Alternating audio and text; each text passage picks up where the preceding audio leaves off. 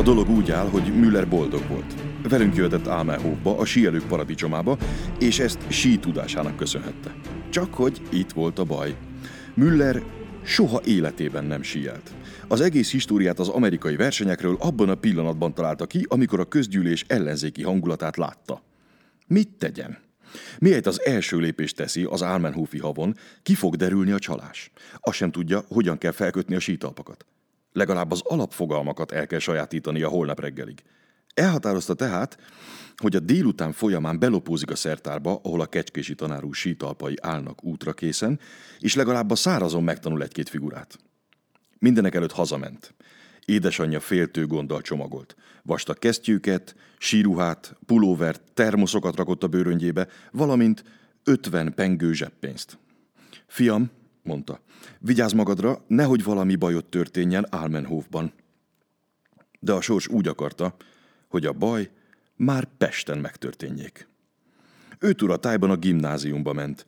Sikerült elkerülni a pedellus figyelmét, és besúrant a tornaszertárba. Felcsavarta a villanyt, előkereste a legjobb képű sítalpat, és lábára kötötte nagy ügyel bajjal. Fel és alá csoszogott, és úgy találta, hogy mi sem könnyebb a síelésnél. Annyira elmerült ebben a fárasztó és eredeti sportban, hogy észre sem vette, mennyire múlik az idő. Az órájára nézett, amely átmenetileg éppen járt, és csak nem felkiáltott ilyettében. Kilenc óra volt. Lecsatolta a talpakat, és az ajtóhoz rohant. Az ajtó azonban be volt zárva. A pedelus éjszakára bezárta az ajtókat. Borzalom! Müller sírva fakadt ilyettében. Az ablakokat vasrács védte. Kiabálni kezdett. A falak visszaverték a hangját, de senki sem hallotta. Az épület koromsötét és teljesen néma volt. Szegény Müller hol az ajtókat döngette, hol a sarokban ült, és a hideg rázta.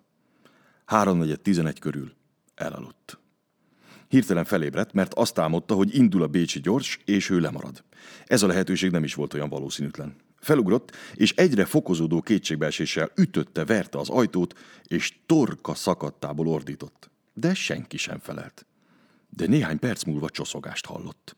Egy rezes hang dördült meg az ajtón túlról. Állj, vagy lövök! Ki az? Én vagyok Müller, felelt egy síri hang. A, a hatodikból. Azt mindenki mondhatja. Becsület szavamra én vagyok, nyöszörgött Müller. Én csak tudom. Végre a kulcs megfordult az árban, és egy rozsdás karabély merett Müller órának. Mit keres maga itt? kérdezte a pedellus, valljuk be, teljes joggal. Müller előadta a tényállást, amelynek Kanál bácsi feltételesen hitelt adott, így Müller végre visszanyerte a szabadságát, de Kanál bácsi kijelentette, hogy az esetet utólagosan az igazgató úr elé fogja terjeszteni. Törődött is Müller azzal, hogy mi lesz hat nap után. Most már síelni is tudott, legalábbis azt hitte, hogy tud. Tekintve, hogy reggel háromkor ment haza, természetesen még egyéb viszontagságok is vártak rá a szülei részéről, de ezekre borítsunk fájtlat. Elég az hozzá, hogy majdnem elkéste a vonatot. Kecskési tanár úr le is hordta, de azután kijelentette, hogy ő mostantól kezdve nem tanár, hanem jó barát, és igyekezzünk önként fegyelmet tartani. Ezek a szavak Müllerre nagy hatást tettek, aminek következtében nem sokkal később a tanár úr fejére ejtett egy koffert, ő maga pedig csak nem kiesett a vonatból.